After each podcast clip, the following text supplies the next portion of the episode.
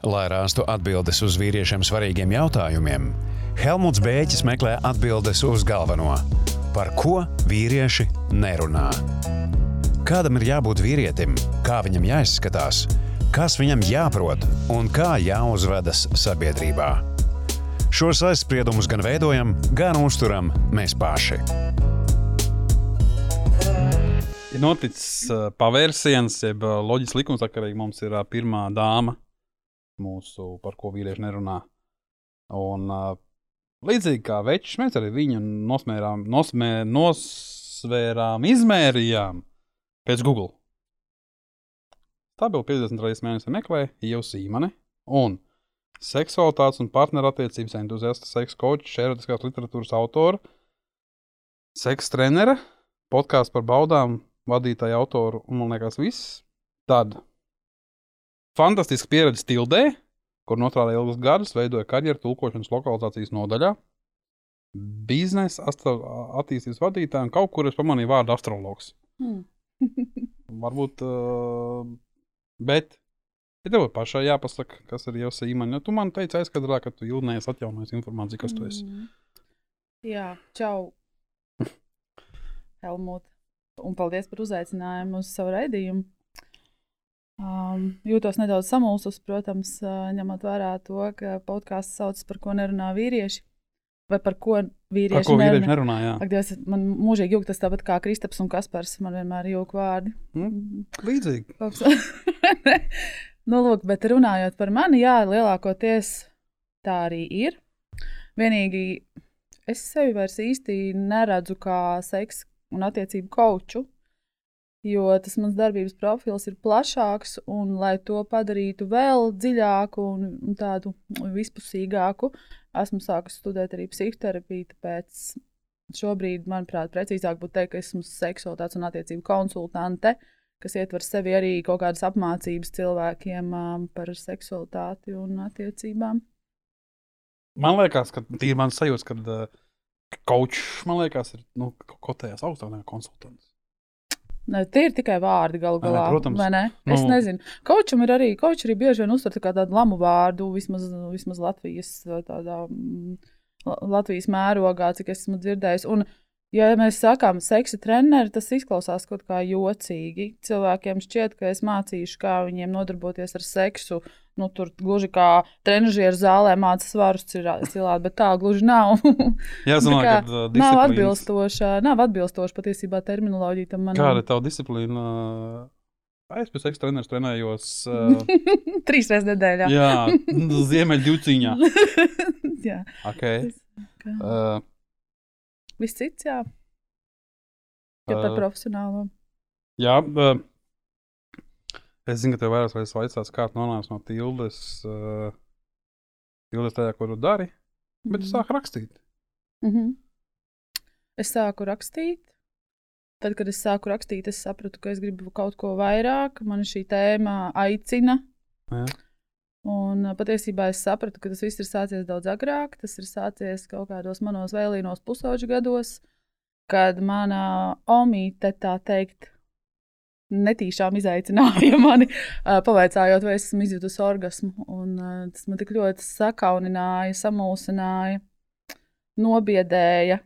Jo man atbild bija iekšēji, nē, bet es taču nedrīkstu pasaulē pateikt, no omītei, kur no omītei, kad, kad, kad nē. Un Man ir radās tāds milzīgs, nu, milzīgi mērķtiecība, ka saprast, nu, kā tas ir, kas ir jādara, kādām sajūtām jābūt, kad sieviete izjūt orgasmu. Viņa man gan īsti pastāstīja, kas tas ir un kā, kā, kādas sajūtas varētu būt gaidāmas. Nu, jā, tā tas kļuva par manu tādu, nu, tādu mm, dzīves aizraušanos. Es gan tajā brīdī, protams, par profesionālo karjeru šajā jomā ne, nedomāju. Tas tiešām attīstījās vēlāk. Nē, man, pat, man, man vienkārši patīk vārdu spēles, kad uh, tavs, kad, kad lasot vēlreiz uh, ilgu gadu tildē, Mm -hmm. karjeras tul, karjeru tulkošanas Mm. un lokalizācija nodaļā. Un varbūt nebija arī tāda lokalizācija, kas tur arī aizies, bet tomēr uz, uz, uz šo lokalizāciju. Bet uh, tas, ko tu stāsti, tikko sanāk, tā ir rīktīgi vīrišķīga rīcība. Jo vīriešiem jau tāpat ir nevar taču atzīt to, ka nu, kā viņš nav mačo. Visi mačo. Sanāk, kur ir populārākais stāsts? Zvejnieks stāstīja, makšķernieks stāstīja, kāda visi ir. Uh, Alfa tēviņa, tā kā tu savai omītei biji neapzināti ļoti, ļoti vīrišķīgi atbildēji. Jā. Mm. Es domāju, ka šī te kauna sajūta jau ir mūsos visos līdzīga. Tā nav vīrišķība, tā atbildē. Tā patiesībā ir zināma gļēvulība, manuprāt. Jā. Es tev zinu, kā, nezinu, par kā uzvesties. Jau domāju, kā saka, studijai dāma. Mēs esam parasti trīs cilvēki, un tagad veidojās kaut kāds uh, savādāks formāts, jo ir dāma, zina, kā tā trīs čaļi pilnībā drošībā. Bet... Es rādu nedrošību. Jā, bet uh, kā tev liekas, ka, vai vīrietis bez personificēšanas ar lamvārdus? Kā es nesaprotu jautājumu. Kad uh, vīrietis bez personifikācijas ir lamvārds. Nu, ir vīrieti. Hmm. Manuprāt, tā ir novecojusi, tas novecojis uzskats. Un vispār uh, vīrietis un vīrišķība mūsdienās, manuprāt, ir tād, tāds milzīgs izaicinājums un neatbildēts jautājums. Jo tās um, lomas, vīrieša lomas un tie uzstādījumi tik ārkārtīgi ir mainījušies. Manuprāt, gan sievietes, gan vīrieši ir apmaldījušies tajā, kas ir vīrietis un kas ir vīrišķība, un kam tajā ir jābūt un kam tajā nav jābūt. Kā ar domā, kam tam nav jābūt? Tas ir, man liekas, ļoti personisks jautājums. Katram tā atbilde būs bijusi kaut kāda citādāka. Tur nav tāda, zin, viena globāla atbilde, kas varētu visiem derēt. Kam kā, bet kā tev liekas, kas ir varbūt nu, tāds? Es parasti, kad runāju ar čāli, mēs sākumā runājam, vai vīrieti, lai mēs Mhm. zinātu, kā saka, nu, tad sāksim ar to vīriešu ārējo. Mm -hmm. Kad uh, viens uzskats, ir, ka sieviete veido vīrieti. Nu, kad viņi kopā vai kā. Bet kā tev liekas, uh, vīriešu ārējais izskats ir vīriešu darīšana vai sabiedrības darīšana? Viennozīmīgi vīriešu pašdarīšana.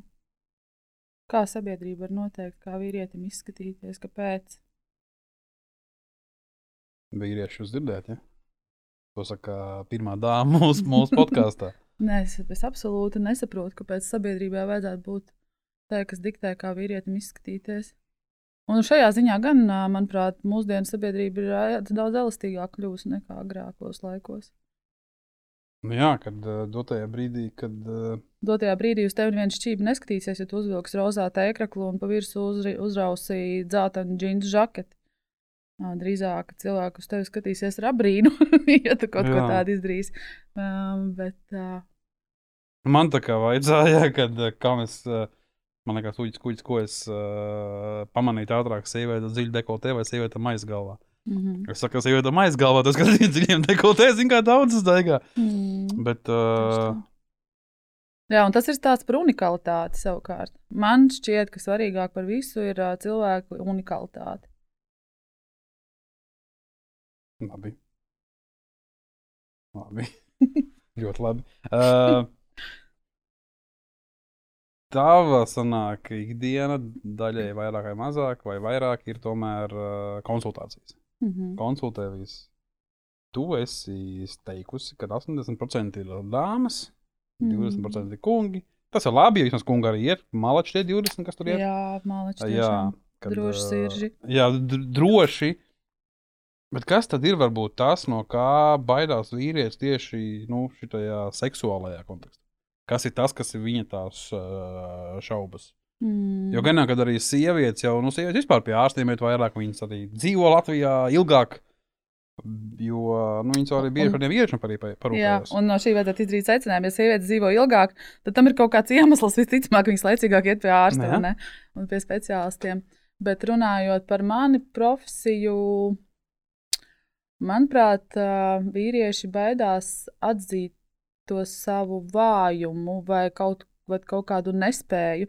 Jo tad, kad cilvēki arī pie manis vīrieši atnāk uz konsultācijām, tā pamat problēma ir psiholoģiski tāda, ka viņi uh, nu, nekvalitatīvi performē šajā seksuālajā dzīvē, jo viņiem ir kaut kāda psiholoģiska uzstādījuma, kā ir jābūt. Un tas nav izrunāts ar sievieti, nu, teiksim, priekšlaicīga ejakulācija kā viena no problēmām. Uh, viņi turpina, tā teikt, uh, šo savu ieradumu, priekšlaicīgo ejakulāciju. jo viņi vienkārši savādāk neprot. Viņiem šķiet, ka uh, vienai daļai šķiet, ka tā ir vienkārši norma, otra daļa tik ļoti satraucās par to, ka atkal šis īsais dzimumākts būs, ka tieši tā arī notiek. Bet viņi nav iedomājušies, ka atnākot pie speciālista un atrisinot šo psiholoģisko problēmu, šo dzimumu pā, pagarināt būtiski un no, no šī te, nu, bloka vai no šīs traumas atteikties vienkārši. Un tas būtiski izmaina to turpmāko dzīvi. Un tādi piemēri manā praksē ir vairāki. Tas nav tā kā, piemēram, tas, kad, nu, kā, no, no kā mācās performēt. Nu, slēgts filmas uzslēdzam, no kā tie nereklamēšu nevienu mm. sāļu, bet nav grūti atrast. Jā. Kad, uh, nu, uh, atverās durvis, čels ierauga dāmu, kas saka, instruments ir greizi kārtībā. Principā stundu gara filma, piecas seksa sainas, nu, principā divi pārīši, zin kā, dod virsū. Un, ja, nu, bet uh, dzīvē tā bieži nav. Nu, jā. Tā nevajadzētu būt. Pornogrāfija, protams, ir kaut kas, no kā mēs uh, liela daļa esam ieguvuši nepareizi priekšstatu par to, kādai ir jābūt uh, seksuālai dzīvei partneru starpā. Mm. Bet uh, svarīgākais būtu, jā, uh, komunicēt savā starpā. Jo, ja sieviete samierinās ar šo trīs minūšu dzimumu aktu, tad kā tieši vīrietis var uzzināt, ka kaut kas nav kārtībā? Viņam tiešām vai nu pašam šķiet, ka viss ir kārtībā, vai arī ir tā nākamā fāze, kad viņi ir par to runājuši. Tad, kā, nu, sanāk aizdomāties, nu, kas tad ir tā mana problēma? Uh, nu, labi. Un nemeklēt sievietē tikai problēmu, jo bieži ir vēl, kaut, vēl, vēl viena feature, ka vīrietis piesakā pāri, respektīvi, pie manis uz konsultāciju ar uzskatu, ka sievietē ir jāmainās. Patiesībā reizēm iz, bieži izrādās tieši pretēji. Nē, nu, tas jau ir, tas kā, ir skaidrs. Tas ir, tā, nu, jā, nu, bet tas bet, ir kaut kas, ko man bija svarīgi pateikt. Tā, lai nav kaut kāda lieku ekspektācija par to, ka. Nē, nu, protams, ka. Mačo tēls vairs īstenībā nav dzīvot spējīgs. Piekrīt, šī to dzirdēju, un tagad raud. Uh, es domāju, ka uh, ir lietas, kā tas mačo vienkārši var saka, transformēties. transformēties jā, jā. Bet uh, kur lai tas vīrietis, nu, uh, ok, es nezinu, cik gadiem sākt, jo man varbūt slimīgi viss tā šķēl ir. Uh, kad uh, tas notiek, kaut 11 gadu, gan nekādai 15, 16 gadu, nu, kad sākās, zin, kā tā interesēja, uh, kur tu lai mācās? Mm. Būtu ļoti forši. Vislabākais variants būtu, ja par to varētu mācīties ģimenē. Um, redzot savus vecākus, viņu attiecības, viņu miedarbību, um, sarunājoties ar viņiem. Tas būtu tas pirmais avots, kur to darīt. Ja tādas iespējas nav, tad uh, meklēt literatūru. Google. jā, nu, tur, tā ir pirmā Smags vieta, bildiņas, diemžēl, kur jā. meklē, jā, bet uh, nu, skolā to nemāca vēl mūsdienās. Nu, var nākt pie speciālistiem, kuri nodarbojas ar to, bet diez vai tāds mazs bērns iedomāsies par kaut ko tādu. Es domāju, ka arī sarunas savā starpā varētu būt kaut kāds avots, kur sākt to savu izziņu. Mm, jo iespējams, kādam ir informācijas vairāk, kāds varbūt ir vairāk pieredzējis, un, um, protams, tur var iegūt arī kaut kādu slikto pieredzi vai spiedienu izdarīšanu. Es atceros, kā man pašai bija manos tīņa gados, kad uh, klasē, es nezinu, trīs ceturdaļas meiteņi jau, jau ir pārgulējušas kādu puisi, un es nē, un, un uz tevi tiek izdarīts spiediens. Nu, kā? Nu, saņemies, tā ir jādara tās lietas. Nu, tā ne, nepakļauties arī kaut kādam spiedienam, bet sajust to savu kodolu eksperimentējot ar sevi, jā, lasot grāmatas. Es ticu, ka jābūt kādai grāmatai arī par uh, pusauģu seksualitāti. Dāmām var ieteikt grāmatu Viva la Vagina, kas ir perfekta par uh, sievietes anatomiju un, uh, un šo seksualitāti gan agrīnā vecumā, gan arī vēlāk. Vīriešiem jaunā iznākusi grāmata vīr, Mīlēties grāmata vīriešiem. Brīnišķīga grāmata, kuru droši var dot arī tādam pusaudzim lasīt. Nu, es domāju, pusaudzim uh, sākot no 15, 16 gadu vecuma. Mierīgi. A, ja, piemēram, tēvs vai, vai, vai mamma izdomā, ka pusaudzim jāiet pie jau Sīmans parunāt. Mm -hmm. Ko tu viņam teikt? Atkarībā no tā, jautājuma. Kā es kā saka, dievā pila tak. no sākuma, no sākuma Dievs radīja pasauli. tāda viss dzīvo. Nē, es tikai uh, iedomājos, jā, kad, uh, ja kādam ir jautājums, nu, piemēram, mēs sakām, Google netici, Mm. mulda.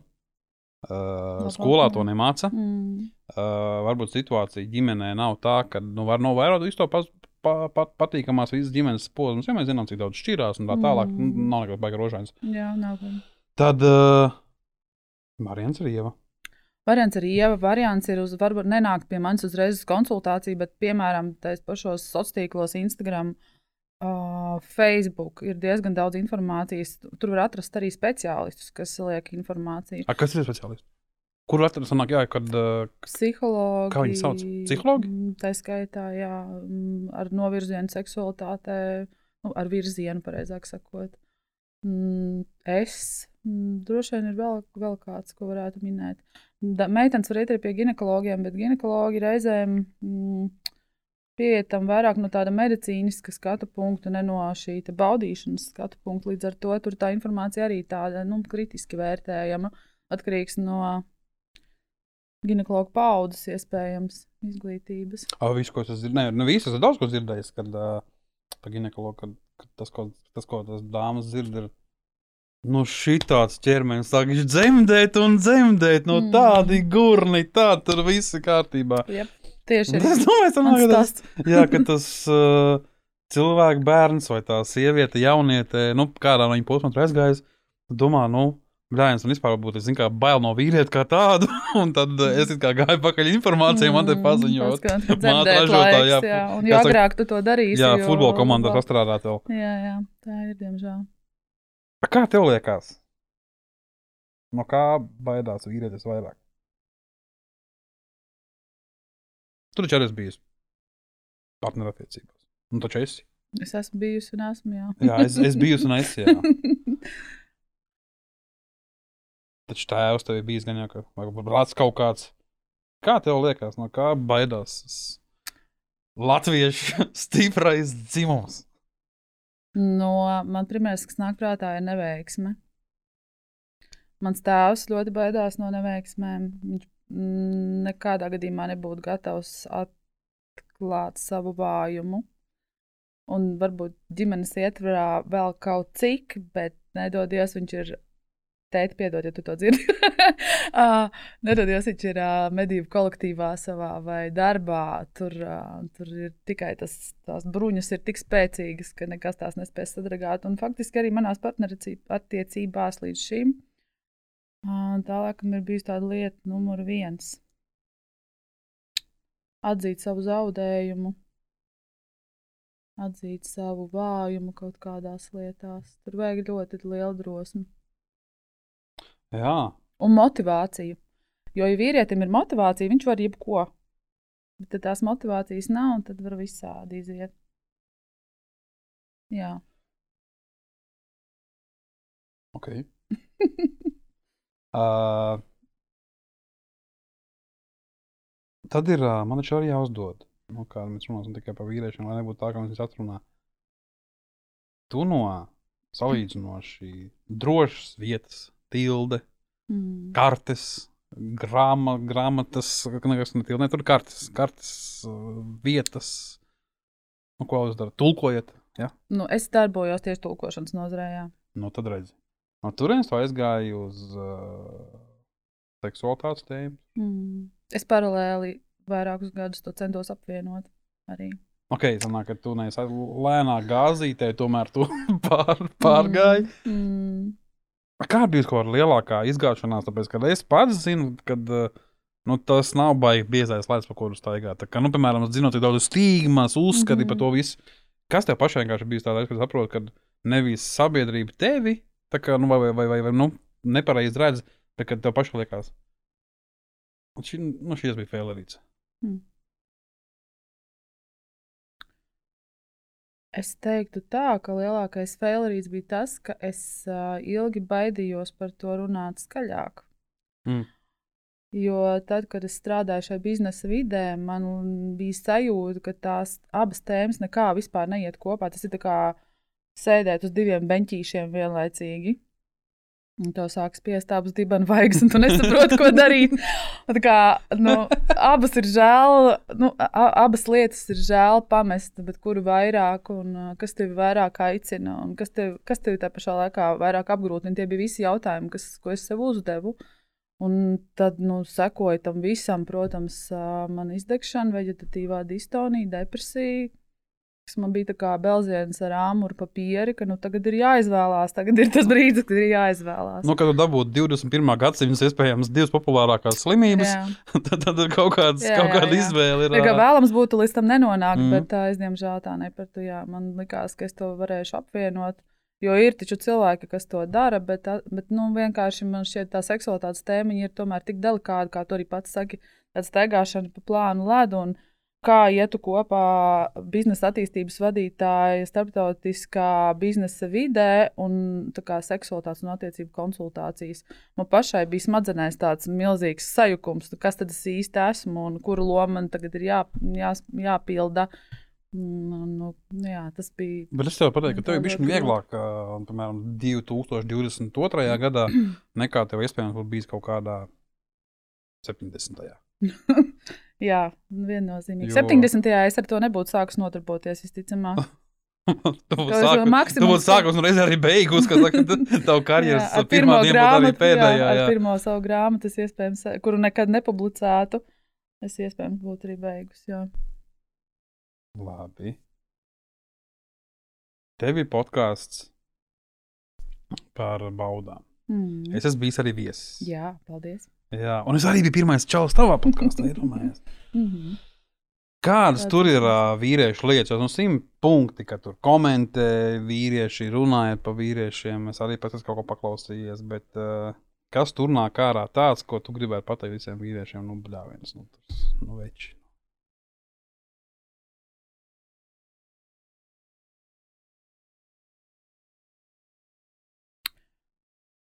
Mm manuprāt, tas, kas ir vairāk kārt izskanējis, ir kaut kāda tāda sieviešu aizvainojums pret to, kā vīrieši viņam pārnodarīs, kas ir, protams, sieviešu problēma, nevis vīriešu problēma.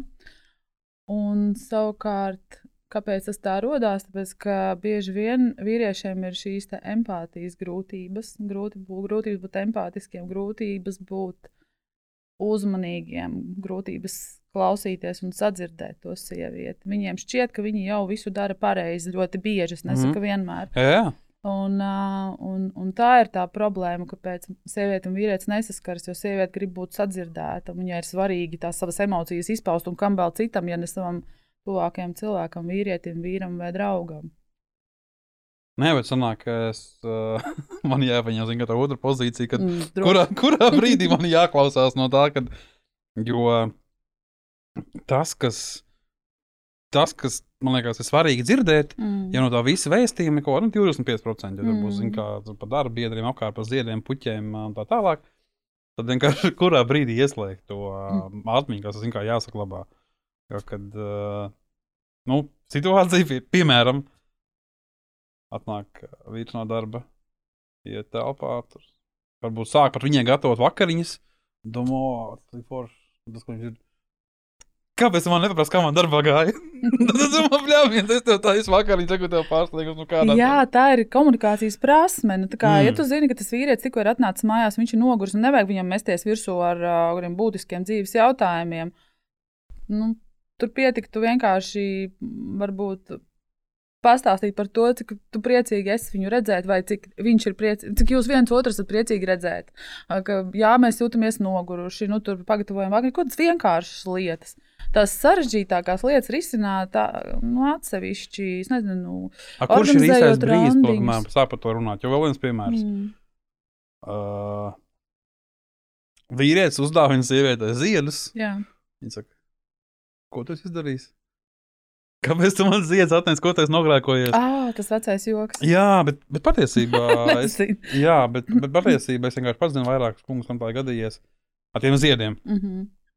Kurš ir tas brīdis, uh, lai šie nu, dzimumi no vīrieša sieviete, un kad izrunāt? Mm. Nu, kad šī, ir, šī, šī, šī ir mūsu komunikācija. Es domāju, ka seksam vēl tiksim, bet jā. nu, atnāk mājās, domā tās 15 minūtes, vai, vai kaut kā tev Jā, liekas, tas ir vienošanās. Jo jā. tu, jo tu, nāk, tu Esam. jau beigās cīnies, jau, nu, nu, nē, nē, kad cīnies. Tu palīdzi sakārtot tās sekas, neaiziet atpakaļ uz cēloņiem, tos Mm. izlabot, un lai beigās tas ir forši. Bet uh, tu jau dzirdi, sanāk, uz ko tas ir eskalējies. Mm. Nu, kad, zin, kā varbūt tā, šļurs, tā zupa sēšana, šļurstinot, beigās ir aizdevies uz to, ka cilvēki nesarunājās. Mm. Tad beigās, zin, kā viss ir slikti arī, kas saka, varbūt gultā vai tā tālāk. Tad viņi atnāk pie, pie, pie tevis, un tad, zin, kā vaino viens otru. saka, ka mums viss ir slikti gultā, bet patiesībā problēma ir citur. Jā, zina, ko tu zini. jā. Kā, saka, kā atceros, likt dušu, paliek varbūt. Mm. Bet Kāda liekas, kurš būtu tas īstais brīdis, kad runāt? Nu, mums ir jākomunicē. Jākomunicē ar visu laiku. Jautājums ir, par ko mēs komunicēsim. Mēs varam komunicēt arī par neitrālām tēmām, kuras mums uzreiz neizdara kaut kādu spiedienu atrisināt kaut ko. Bet, ja runājam par tādām problēmu situācijām, tad es teiktu, nestrapt karstu, ja kaut kāda situācija X ir atgadījusies. Un, un ir baigākās dusmas, un tagad gribās visu to savu žultu izspļaut ārā. Nu, varbūt uzreiz, uzreiz varbūt to nevajag darīt. Ja vien, ja vien es nezinu, kam ir jānotiek, lai tā kā uzreiz mestos virsū. Mm, jā, nezinu. Labāk ir nogaidīt, viņš viņa apdomā to visu, iziet pastaigā, kaut vai aizcērtot durvis, lai tas otrs cilvēks zina, ka ir sūdies, atvainojos. jā, jā. Bet, uh, bet ne, nu, uzreiz tā kā, nu, ne, ne, ne, ne tās dusmas ne, nelaist uz āru. Jo tad, kad, ir, tad, kad mēs apdomājamies, tad mēs bijām citādāk to situāciju redzam. Un forši, ja mēs vēl varam aprunāties ar kādu. Nu, Vēlamu speciālistu vai kaut vai draugu, kura vienkārši uzklausīs tevi. Bez nu, piezīmēs, pateikt, ka klausies, man ir problēma tāda, lūdzu, man uzklaus, bet bez padomiem, bez apvainojumiem, bez pārmetumiem, aizrādījumiem. Vienkārši uzklaus mani. Un tad, kad cilvēks to stāsta un sevi dzird, viņam arī prātā risinās jau kaut kāda nu, varianta, kā, kas, kas varētu būt tālāk, ko es varētu teikt tam savam vīrietim, vai vi- viņš savai sievietei par to konkrēto situāciju. Viesis dara? Nav tā. Ir visādi. Es domāju, ka Ir visādi ir atkarīgs no mūsu tās brieduma pakāpes, bet tas ir tas mans ātrais padoms, ko es varu pateikt šobrīd. Tā kā mhm. nestrept karstu. Mhm. Jo nokavēt neko mēs nevaram tādā ziņā ri- atrisināt šo problēmu. Mēs īsti nu, liekas, nevaram nu, nokavēt, ja vien mēs abi esam tādi nu, lēnprātīgāki. Nu, tad šādi traukus, vēl kaut ko. Jā, Jā bet kā palīdzēs tie sadalītie trauki? Mums Vienam jau tik un tā tiks būs pie jāpie- jaunas servīzes tikai. jā. Jā. Mm. Bet kā tev liekas, cik svarīgs ir uh, vietņu status? Sievietes acīs vai vīriešu pašu Nu, acīs? pa sievietes acīm. Sanāk, nu, kā, te, kā, kā, kā tu varētu runāt par vīriešu acīm? Mm, Es nezinu, varbūt tu gribēsi kaut kādu statistiku pastāstīt. Tev ir? Nē, man nav. Tad, tad, tad no sieviešu skatu punkta. Cik svarīgs vīrietim status? Manuprāt, ir forši, ja vīrietis ir veiksmīgs, jo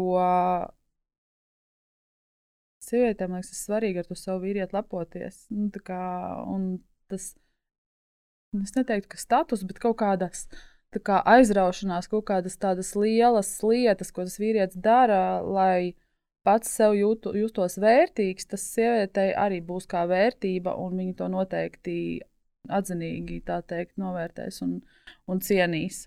Nu, atkal, mm Mhm. -hmm. ja mēs runājam par nobriedušu sievieti.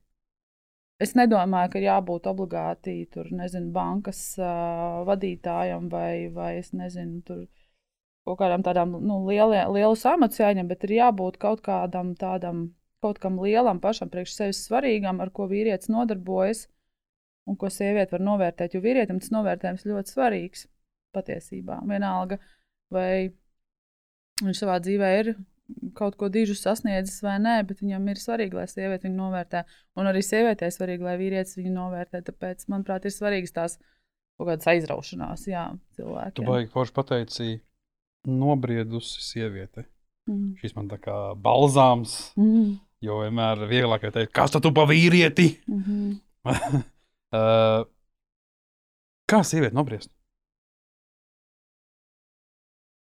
Nu, Jo vīrietim sāk sanākt to un reizēm vai dabūt pūnu vai dzīvē, vai, piemēram, vai, vai, vai no dzīves, vai no Mhm. kāda, vai, vai ka tad, principā, sūdos dzimst īstie veči, nu, piemēram, kad es baigi zem bijis, tad tu tā kā.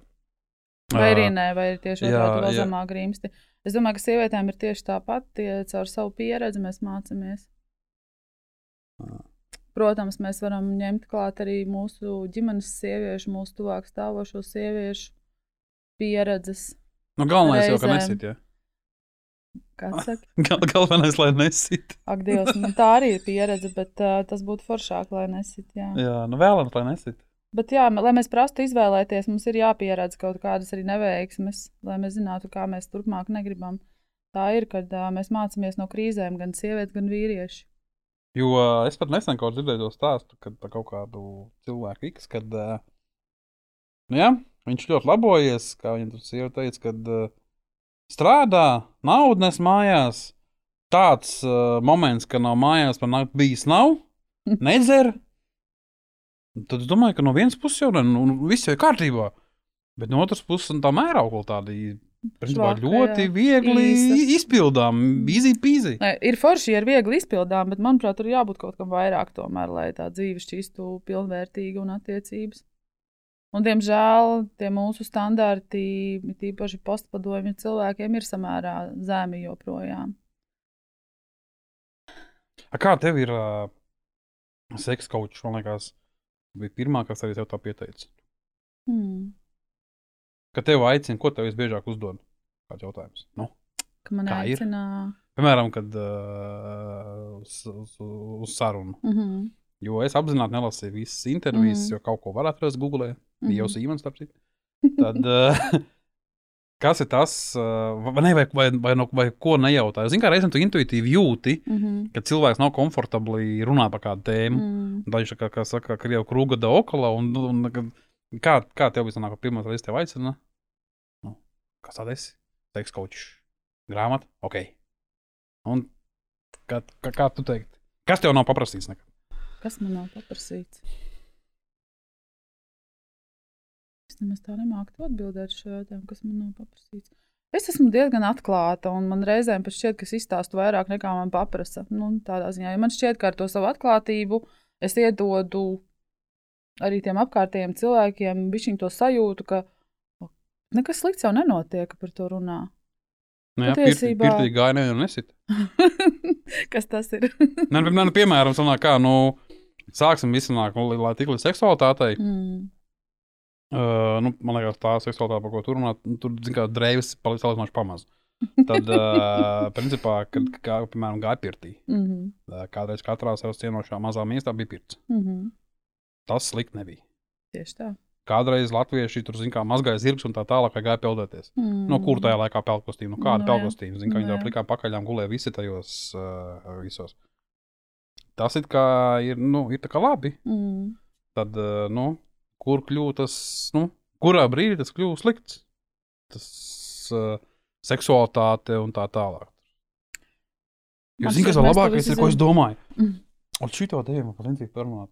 Man liekas, ka maldīgs uzskats, ka pa vidējo latviešu viencētnieku visi jau nebija saimnieki un visi nebija bagāti. Nu, Mm. Latvijas arī bija tāds tūdeļš, tā kā tagad reizēm ir. Bija visādi, jā. Jā, tad Tā kā tā. kā bija pusmājā, bija dzīvoja bija stālis.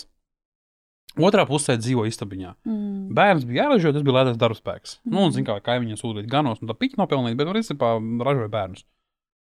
Bet viņš dzīvoja vienā istabā. tur. Jā, Tā ir māte, un tad ir bērni pa, nu, pa kaktiem samētāti, jā, bet nezinu, kas tagad dzīvoja. Mm. Nedomāju, sanāk, ka, nu, kur tā viņi, saka, strādāja pie tiem bērniem. Nu.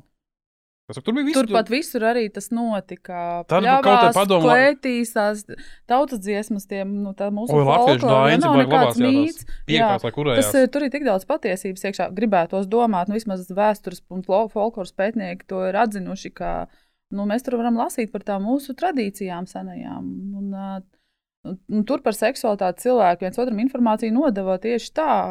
Sievas tur vakarā sēžot pie vērpjiem ratiņiem, vecākā paudze nodeva jaunākajai, vīri atkal kaut kur tur, nezinu, ganībās un tā tālāk. Un, tā, un par to prata runāt absolūti vienkārši un brīvi, neuztaisot no tā kaut kādu drāmu vai kaut kādu, nu, ka tas ir kaut kas nenormāls. Tas ir absolūti normāli un baudīt ir normāli. Un, un, un tie, nu, diemžēl, atkal viņi ir jāpiemina, bet tie padomi laiki sačakarēja mūs. Un kristietība mūs sačakarēja. Es atkal atvainojos kādam, kristietim, bet uh, nu, tas arī vēsturē Nē, tas ir tie pierādīts. Sanāk, ja tu būtu to pateikusi kaut kādā tur uh, spānē, vienkārši tu būtu cilvēki- vienkārši viņu. jā, nu jā, bet, uh, nu, ja mēs lasām vēsturiski grāmatas, tad uh, tas ir acīm redzams vienkārši, ka uh, tur seksualitāte ir paredzēta tikai un vienīgi bērnu tā teikt, ražošanai. Un baudai nekas no tā visa nav paredzēts, un viss ir noliegts, un nav. Un padomju savienība ir uh, kaut kas ļoti līdzīgs. Bet tajā pašā laikā arī divi dzīvo, dzīvo kopā divas ģimenes. Nu, Nu, jā, un, bet tur- jau nāk ārā visas tās slimīgās seksualitātes izpausmes. Tieši dēļ tā, ka tas ir aizliegts. Mm. Jo, ja mēs neaizliedzam, tad uh, mums nerodās, uh, nav fantāzija par to, ka, kā to seksualitāti izrea izrealizēt. Tu iedomājies, kā tas ir, kad, nu, ka tu nedr- nevari brīvi sevi izpaust, nu, ka tu esi apspiests. Un, un, un gal galā fizioloģiski ir šī vajadzība.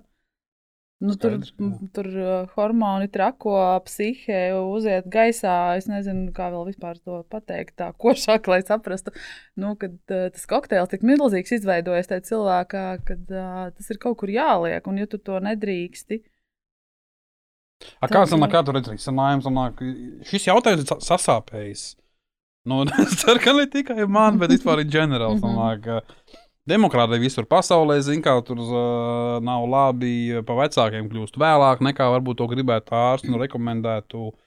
Uh, Postpadomu valstīs Latvija ieskaitot, tomēr maz par to uh, seksualitāti runā. mm, pat tajā brīdī, kad par to runā kā par reproduktīvo veselību, pat tad tas nerūlē. Pašnāvības, zina, kā mēs varam pārdot, jo, piemēram, to smukāk ietērpjot, bet, piemēram, seksualitāte kā tāda, nu, hihiha, nu, viss ir ok. Ka, mm Mhm. -hmm. nu, Zemes kakla vēzis, prostats vēzis, seikalnieku vēzis un tā tālāk. Tikai daži starp citu, ja? Uh, Lietiņas, ar ko var HIV, vēl joprojām mēs esam nu, salīdzinoši bēdīgā situācijā. Jo seks ir tas sliktais. mm. Labais, kur bauda, joga. O, joga ir forša lieta, to atzīst, taču daudz vieglāk nekā seksualitāte. Garīgums uh, ir daudz vieglāk tā teikt, pieņemama lieta nekā seksualitāte, bet neviens neiedomājas to, ka garīgums un seksualitāte arī ļoti forši iet kopā. Šis man patīk labāk nekā joga un seksualitāte, jo man elastība ir kā gāzes balonam, horizontāli vai vertikāli. Tas nav jābūt obligāti ļoti superelastīgam. Tas ir pieņēmums, ka jābūt superelastīgam, lai nodarbotos ar jogu. Tas ir vairāk par tādu, man liekas, Es zinu, ka tā kā daudz saka, joga, tā populāra man, tā man varētu interesēt. Ai, es tādu nezinu. Jā. Nu, redz. nu, redz. Mm. Kas tad Ā. vispār ir joga? Tas man liekas, tāds arī meditatīvs stāvoklis pa lielam, nu, kurā tu nonāc un, un tā kā tās pozas izpildi ar kaut kādu nolūku, ar kādu nodomu. Nu, kā, kā minimums izstaipīt, ā, es nezinu, muguru, un, un varbūt tam var piešķirt vēl kādu jēgu, kāpēc man tas ir vajadzīgs. Nu, Kā vai tu tā domā? filozofiski. Jo. Tā kā vīrietim ir sūdīgi, viņam vajag runāt ar kādu vai nevajag.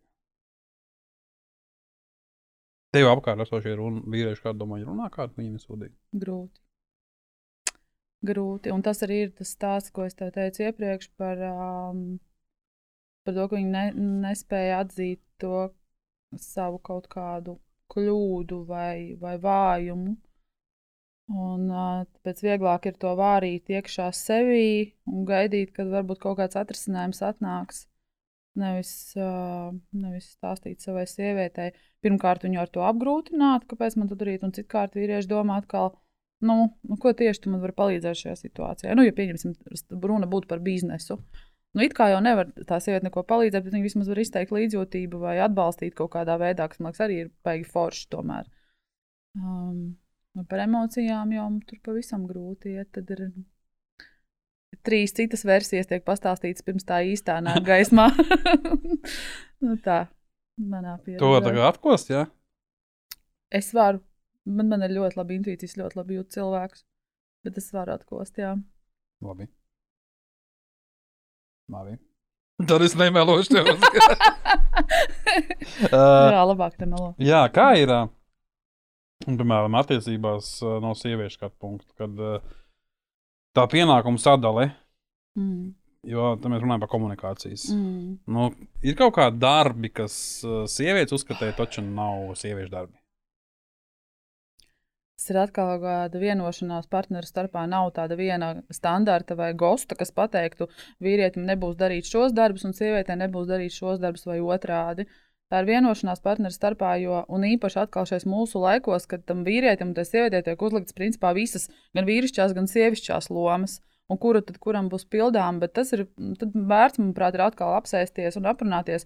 Tātad manas stiprās puses ir šādas, tik, tik, tik, tik, tik, tik uzskaitam. Manas vājās puses ir sekojošas, un, un nosaucot, un otrs cilvēks izdara to pašu. Un iespējams, ka kaut kādā brīdī mēs saprotam, ok, reku, šī ir mana vājā puse, bet tā ir tava stiprā puse. Nu, tad varbūt tā arī nu, tā kā, nu, mie- miedarbojamies, eh, saskaņojam to un darām to, kas mums labāk padodas. Nevis uzspiežam kaut ko, ko es tev noteikti nevarēšu piedāvāt. Bet Jā, tas jau saka pareizi. Tad, tad veidojās uh, nu, šie teicieni, kad uh, tam vīrietim zvana čoms, piemēram, un saka, uh, ne vai, vai, vai pat nezvana, vai kaut kāda situācija, kur, zin, kā čomi, man otrs puses blakām, un mm. tu prasa sev, Andra, rīt iesa manī maliņu iedzert. Un tā sieva atbild, nē, Andrs negrib. Jā, pasargdies tā nevajadzētu darīt, bet es zinu, ka tā tiešām bieži arī notiek. A, kā ir tev, kā tev liekas, tā, ot, nu, principā lēmumu pieņemšana? Mēs jau pieskaramies šim punktam, ja, kad, Mm. kā, nu, zin, kā, kā tu domā, Andrs par to nedomā, piemēram. kad, Mm. kā būt, ka, nu, es zinu, ka nav tāds viens pareizs, piemēram, kas būtu tas virziens uz to, lai tas lēmumu pieņemšana būtu tā abām pusēm, nu, ok. Jo es zinu stāstus, kad uh, kāds vai kāda, piemēram, uzņemās ar mājas remontu. Un zina, ka viss sakrās un tā tālāk, un viņš jau neko nesaka, un tajā brīdī, kad būs kāds tur vispār sienas, tā ir stulbas, tā lustra Mm. vispār kaut kāda debīla, un kas šis pa stulbu paklāja. Bet nu, to jau izmet ārā, tad, kad ir jau sakrājies, kā būtu tajā lēmuma pieņemšanā jābūt. Kāds būs virziens? Mm, Kompromiss. Kad, Vien, tikai vienīgi kompromiss, jo uh, var gadīties, protams, ka vienam gribēsies sienas zilā krāsā, otram uh, bēšīgas, bet tad, uh, tad atrast to vidējo kaut kādu, vai arī kāds piekāpjas, ok, tā krāsa te būs zila, bet tad vai grīda būs, uh, tur nezinu, oranža. Nu, tā kā mēģināt atrast tos kompromisus, manuprāt, tur ir vienīgā, vienīgā atbilde uz šo. Un Tātad- vienoties, ka tas nekad netiks uh, bāzts acīs, kā, nu, kā kaut kāda neizpildīta mana vēlme. Ja tu to ar nevari samierināties, tad, uh, jā, nu, tad jāmeklē arī vēl kaut kāds cits veids, kā to atrisināt. Tad varbūt ir jājauc zilais tons ar bēšīgo kopā un jākrāso tādā krāsā tās sienas. Vai varbūt tā viena siena jākrāso abās krāsās. Nu, noteikti var atrast variantus, bet. Uh, O, zini, kā krāsojam vienu uz otru, kamēr patīk abiem diviem. nu, vēl, redzījāt, vēl viens variants. Jā, nu, kompromiss, tikai vienīgi kompromiss. Bet, um, diemžēl, nu, jā, ir, ir jūtams tas, ka cilvēki grib uzspiest kaut kādas tās savas vēlmes, un, uh, un viņi jauc vēlmes ar vajadzībām. Jo, ja, ja tā ir mana vajadzība, ir ok, ka es uz to pastāvu, jo tas ir tās par robežām, bet ja tā ir mana vēlme, un uh, ja viņa netiks piepildīta, es no tā baigi necietīšu, tad, uh, tad ir vērts tomēr uz šiem te kompromisiem iziet. Dar kā tu gribi, ja tu zils vienu nokrāsos, neprasa man neko. Jā, piemēram. Bet uh, nu, vai nav tā, ka tiešām vīriešiem bija vairāk, bišķiņ vairāk vienalga, kā, kādā krāsā būs tās sienas? Uh, Ja mēs par to Es nevaru zin, kā, spri- spriest par visiem, bet es domāju, ka uh, sienas krāsa jābūt sekundāra. Man liekas, ka vīriešiem vairāk besīja tas, ka uh, uh, varbūt pasaules zina, un, un kad uh, nav, nav skaidrs, ko no viņa grib. mm, Nu, paskaties uz šo sienu. Nu. Kur tu viņi domā? Nedomāju, totāli nedomāju. redzi? Kā tev liekas, zila vai sarkana? Tāpēc- Zila. Jā, A, man liekas, labākā sarkana. mm, Varbūt pasaules, man liekas, vīrietim sanāk kā straight forward. Šo sienu mēs krāsosim sarkanu. mm -hmm. Ok. bet ja nav ok, tad mēs. Tad mēs Sanāk, a, kāpēc sarkanu? Nu, tāpēc, ka tur ārā spīd saule, tumšā puse, viss, viss. Ok. ja tu to spēj pamatot, vai Jā, ne? sanāk, tad, dod, nu, dod viegli informāciju, Jā. bet kā domā, kādā krāsā varētu šito sienu? mm, Es domāju, ka vakarā ir hokejs, es domāju, ka es esmu bēst. Ir simts citas lietas, un es nestāvu un nedomāju par nekādu sienu. Mm. Nē, varēja būt, ka tas ir kā tur, nu, tā kā askas, jo ir kas tam patīk, bet man liekas, tāds vidējais vīrietis, un sanāk, nu, ja, piemēram, ko tu domā par valsts esošo situāciju? Precīzi nulle. Neko es dzīvoju to situāciju, bet uh, es negribētu jau pat tādu mērauklu ielikt, jo nevaru atbildēt visas vietā. Bet mm. Bet uh, atkal šis ir tas uh, pats stāsts par, par vērtībiem un kom, vērtībām un kompromisiem. Ja vīrietim tā siena nu, dzīvē neko būtiski nemaina, un viņam tur gandrīz vienalga, kādā krāsā viņa būs, nu, tad uh, vienkārši informē viņu, ka siena, sienas būs sarkanas, vai tu varēsi iegādāties nezinu, krāsu. Man ļoti patīk tas, ko Uģis Kuģis teica, ka tad, mājas ir tas sievietes templis, un lielākoties tā mājas estētika ir tieši sievietēm svarīga. Vīrietim ir svarīgāks hokejs, nu būsim godīgi. Jā. Nu, kā, mm, mēs Nu, varam, liekas, mēs varam cerēt, liekas. ka vīrietis piedalīsies šajā mājas radīšanā ar kaut kādu tīri praktisku palīdzību, vai tur atvedot tās pašas krāsas, vai, vai es nezinu, iedodot finansējumu. Nu, vienalga, tas var būt dažādi. Tīri praktiski kaut kādā, bet tā estētika, lai paliek dāmu ziņā. Nu. Bet zini, kā varētu būt? Kā tu? kā, kā, man- kā mēs redzam šo sienu? Sarkanu. Nu, taču vienalga, ka viņi nu, vecs varētu pateikt, ir. Man taču vienalga, ka viņi krāsos, zina, ka kaut kā Mm. zaļu. Nu, jā. Tad tev ir vienalga. Ja? okay. Tā kā man liekas, man liekas ka. Nu, tad, ko vīrietis nākamo teiktu, ja te, vai tev ir vienalga, jo viņai tāda sajūta ir radusies? Nē, tad es vienkārši domāju, ka gribu kašķi. Tad, Mm. Tu domā, ka gribi kašķi, Jā, nu, tad vajag izkašķēties, Tā un tad, jo siena tur, kā saka, nav pie, nav pie vainas. Bet tomēr kāda būtu atbildība? Tu teiktu, tu gribi kašķi, vai ko tu atbildētu? O, es nezinu, dzīvojot, Nu, dzīvojot. to, nav, no, vienam, tas es ir izšķirošs brīdis. O, jā, dzīvojot vienam, zinu, ka es pats sevi izkašķējos, nolamājos, un tad uh, saprotu, ka nav jau īsta ko, bet uh, es pat nezinu, kad uh, es arī, man liekas, es reiz saku to, ka, uh, jā, es esmu vīrietis parastais, es varu darīt vienu lietu vienlaicīgi, mm. manim Mhm. jārunā tieši, mm. Mhm. starp rindām nelasot, ar puķiem nesaprotu, mm. Mhm. nu, kas saka, negaida no manis to, kā manī nav. Lūk, tas arī ir tas tavs godīgums, ko tu pasaki, un tas sievietei varētu iedot to sajūtu. Viņam nav viena alga, bet viņš nedomā šādās kategorijās. Ka man- nevajag tādu informāciju viņam uzspiest. Un tad, ok, ja tev ir ok, ka es krāsoju šo sienu sarkanu, e, krāsojam viņu sarkanu, atved krāsu, viss. Šis saruna beigusies. Kā neapvainoties, un tas atkal ir par to karstā nestrepšanu. Nē, ka tu, un tajā brīdī, kad man teikt, tātad krāsu, Mm -hmm. tad gan man būtu jautājumi. à, kādi? Kādu rālu kodu, cik litrus? Jo es negribu. Kāpēc šī tāda atveda? Mm. Kāpēc šī tā firma? Kāpēc man bija kolora? Ja sieviete zina, nu, ka vielu nevarēju kolor- pārdevējiem paprasīt uz cik Tā ir, litriem? tā, Tā tā ir tālāk. praktiskā informācija, manuprāt, kur vīrieši labāk orientējas. Bet arī Jā, nu, jā. sievietes un vīrieši ir dažādas. Pieņem, ka mūsdienu sabiedrībā arī sievietes ļoti labi tiek galā ar krāsu izvēli. Un, un uh, naglas spēja iedzīt sienā. Nu, protams, tālāk. Tā kā no sarkanā nopērk zaļo, jo zaļā bija lētāk. Tas pats taču ir, nu kā dzīvā Tā krāsa. krāsa vien ir. Jā. Tieši tā. Bet runājot par tā- tādu praktisko vīrieti, jo mm. Mhm. Ir, ir, ir tās situācijas, nu, kas arī folklorā iegājušas, ka, nu, ja kaut kas, piemēram, mājās saplīs vai kaut kas, nu, tad vīrietim jāmāk. Tas jau, nu, nu, nezinu, vai nu tur kailīs nolīp, no, no, nolīmēs, vai kontakts neiet. Mm. Nu, sieviete to var nemācīt, jo nav loģiski, ka sieviete to mācīt. Nu, kur tā maiturībā to nemācīt? Nu, kā, nu, kas tur ir? Ar superlīmu pielīmēt kailīs. Man liekas, zini, kur ir problēma, kad uh, vīrietis varbūt domā fundamentāli kaut kā, nu, kāpēc viņi ir atlīmējušies un, un kā viņu pielikt, Mhm. tā lai viņi tur, kā saka, līdz, līdz, līdz, līdz, mūža galam būtu. Bet, un, un tas ātrāks risinājums, tāpēc jautājums. Trīs lietas, kas jāprot katram vīrietim. Tavuprāt. Trīs lietas, kas jāprot katram vīrietim. Cienīt sievieti, vispār cilvēkus, cienīt Tad cilvēks vai sieviete? cilvēkus. Okay. Cienīt. Jā, manuprāt, tas ir pirmais. Un tas iet kopā arī ar empātiju. Jo, ja vīrietis spēj būt empātisks, tad man liekas, tā ir vispār viena no visaugstāk novērtētajām īpašībām. Empatijas būtu latviešu valodā klātesošs. Ja? Klātesošs, izprotošs, tāds, kurš iedziļinās otra cilvēka sajūtās. Uh, uh, Un rīcībās šeit ar liberālām, piemēram, vai, vai viņš nav gejs. Viņam obligāti nav jābūt gejam.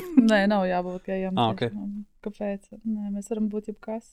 Tē, nu es tikai. Uh, Bet, jā, empātija un tāda cieņa, manuprāt, ir pirmās lietas. Un tad jau es ļoti novērtēju vīrieti humoru izjūtu, ja par mani tu prasi.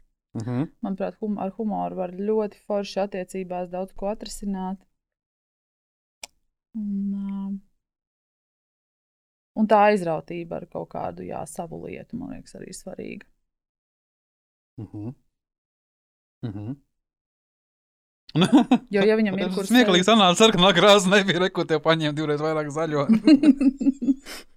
Nopirka arī oranžu tāpēc. Bet, cool, ok. Uh, tad viens jautājums, ko mēs vaicājām uh, pāris kungiem. mm -hmm. Kam vienmēr jābūt vīrietim par rokai?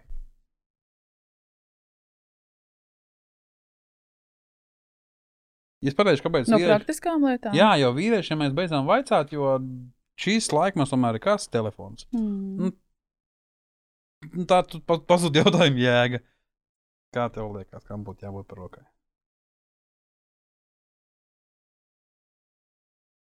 Jauniem vīriešiem vienmēr būtu jābūt par rokām prezervatīvam, to es varu pateikt. Mm. Līdz 36 gadiem.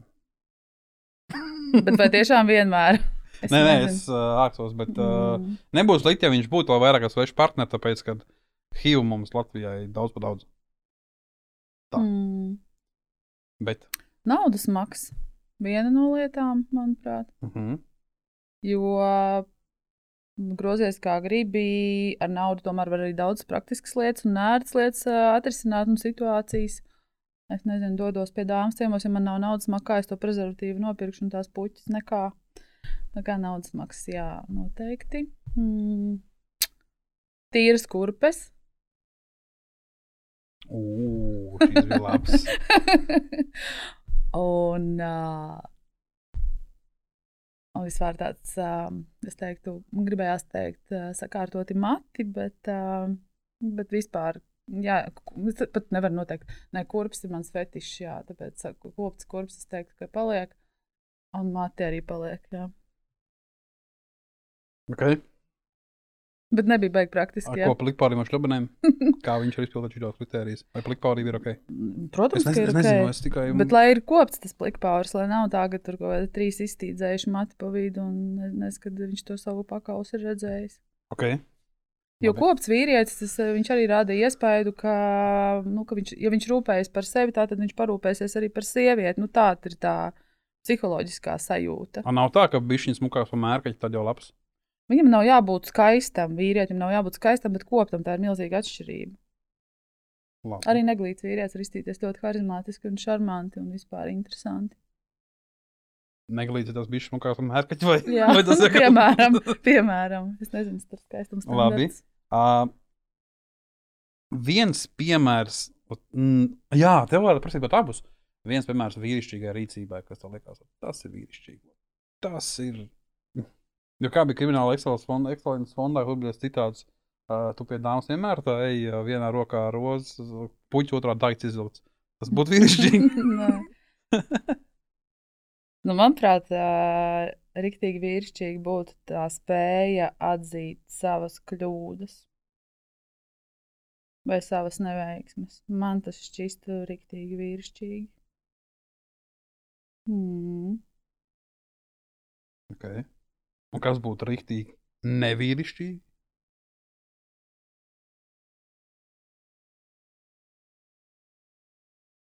Pazemot sievieti. Emocionāli vai fiziski būt vardarbīgam. Uh, jā, Raimons Elvakens uz šito mums teica, uh, vīrietis, kas cits sievieti, nav vīrietis, un es domāju, kaut kāds cits, uh, cits, cits, cits apzīmējums, viņš arī teica to, ka pacelt roku pret kādu nav ok. Mm. Es arī šitam uh, no sākuma pilnībā pievienojos uz 100%, vai tad sākām šķietināt, kad uh, uh, nevienam nebūtu jābižo neviens. Nu, Jā. kad nebūtu jā, jā, jāspēlē spēle uz abām pusēm, bet Mm. Atbildi Izrādīt pie, savu jā, saka, atbildi pieņemta, atbildi pareiza. Uh, kas ir kaut kas tāds, uh, ko tu gribētu pateikt Latvijas vīriešiem? Mūsu klausītājiem. Pa ko viņi, nu, pēc tam, ja mums ir tā stēle kāda, pa ko viņi nerunā, mums ir iespēja iet uh, konsultēt par seksualitātes dažādiem jautājumiem. Ja? Mm. Ko tu varētu pateikt? Kāds būs iegūms aizejot pie IOS? Jā, bet tā var anekdote, tikai neņemt, zinu, kā es vienkārši atcerējos tikko viņu. uh, kad uh, čalim, uh, vīrietim, uh, nezinu, kurā vietā un laikā, bet, uh, nu, kā saka, tautā, nu, erektīvā disfunkcija vai nestāv. Mm. Un uh, Viņš aiziet pie ārsta, un, bet ārsta optimists. uh, Un uh, šis vīrs saka, nu kā, doktor, man nestāv. Un ir tāds, viņš tāds pirkstā, un viņš viņš tā kā redzēs, smuku riežās. Tā kā viņš principā, principā iesēja to, to, to, to optimismu. Cerību. Jā, optimisms, cerība. Bet uh, atgriežamies pie tā. Tur. Man tik vienāds prātā viens teiciens, ka mm, šie mm, palīdzošajās, ā, palīdzošajās profesijās strādājušie cilvēki bezgalīgi tic cilvēku labestībai, cilvēku veiksmai, cilvēku izaugsmai. Un es viennozīmīgi arī esmu viens no tiem cilvēkiem, patiešām. Es ticu, ka no jebkuras bezizējas ir vismaz viena izēja. Un uh, tas iegūms tieši tāds arī ir, kad pie manis cilvēki atnāk uz konsultācijām. Ne tikai sievietes, bet arī vīrieši. Katru reizi es kā jautāju to šo atgriezenisko saiti, un ā, it īpaši man nu, būtiski un interesanti šķiet klausīties vīriešu teikt, atziņas. Un tad, kad mums tā mūsu sadarbība beidzās, es vienmēr vaicāju, tad, kad tu pirmoreiz atnāci pie manis skalā no 1 līdz 5, kā tu vērtēji savu seksuālo pašapziņu. Nu, tad tur tie cipari, cipari ir tur, nu, pie tā sākuma gala starp kaut kur starp 1 un 3. Mm -hmm. Un uh, tas, uh, tas uh, mans mērķis, vai tas mūsu kopīgais mērķis, ir sasniegts tad, ja vīrietis saka, es atnācu ar vienu, bet šobrīd ir trīs ar pusi un četri. Tad, tad uh, mēs esam kaut ko labu izdarījuši, mēs esam forši pastrādājuši. Un, un es varu šo vīrieti ar mierīgu sirdi tā teikt, palaist mājās pie savas sievietes un zināt, ka, ka viņš jutīsies daudz labāk un viņš būs daudz foršāks partneris šeit sievietei līdz ar to. Cool. Un tas varētu būt tas lielākais iegūms. Jā. Es nesaku, ka būs uzreiz uz pieci, jo tas ir uh, liels darbs ar sevi arī turpmāk. Um, un sevi, sevis tādu, man nepatīk šis vārds apzinātāk, bet tomēr tādu apzinātāku sevis piedzīvošanu. Un, un, man ļoti gribētos, lai vispār sievietes un vīrieši savstarpēji pārstāja sevi patērēt lai viņi vairāk domā par to, kā mēs varam miedarboties un sadarboties, nevis patērēt otru. Zinu, ko tikko atcerējos, Mm. ka uh, reizēm ir tādas situācijas, kad uh, nu, tiešām, piemēram, vai viena, piemēram, kaut kādas operācijas vai kas, nu, ka tiešām nestāv. Mm -hmm. Un nebūs ne tur no viegas, ne no kā, nu, nebūs tā tēma. Un tad ir tā rietumnieciskā domāšana, kad, nu, kā sieviete var palikt neapmierināta, kur vīrietim ir pirksts un mēlē. Un tad ir tā uh, postpadomju domāšana, kad uh, pat tad, kad uh, visi rīki strādā pilnvērtīgi, pat tad tas ir slikti.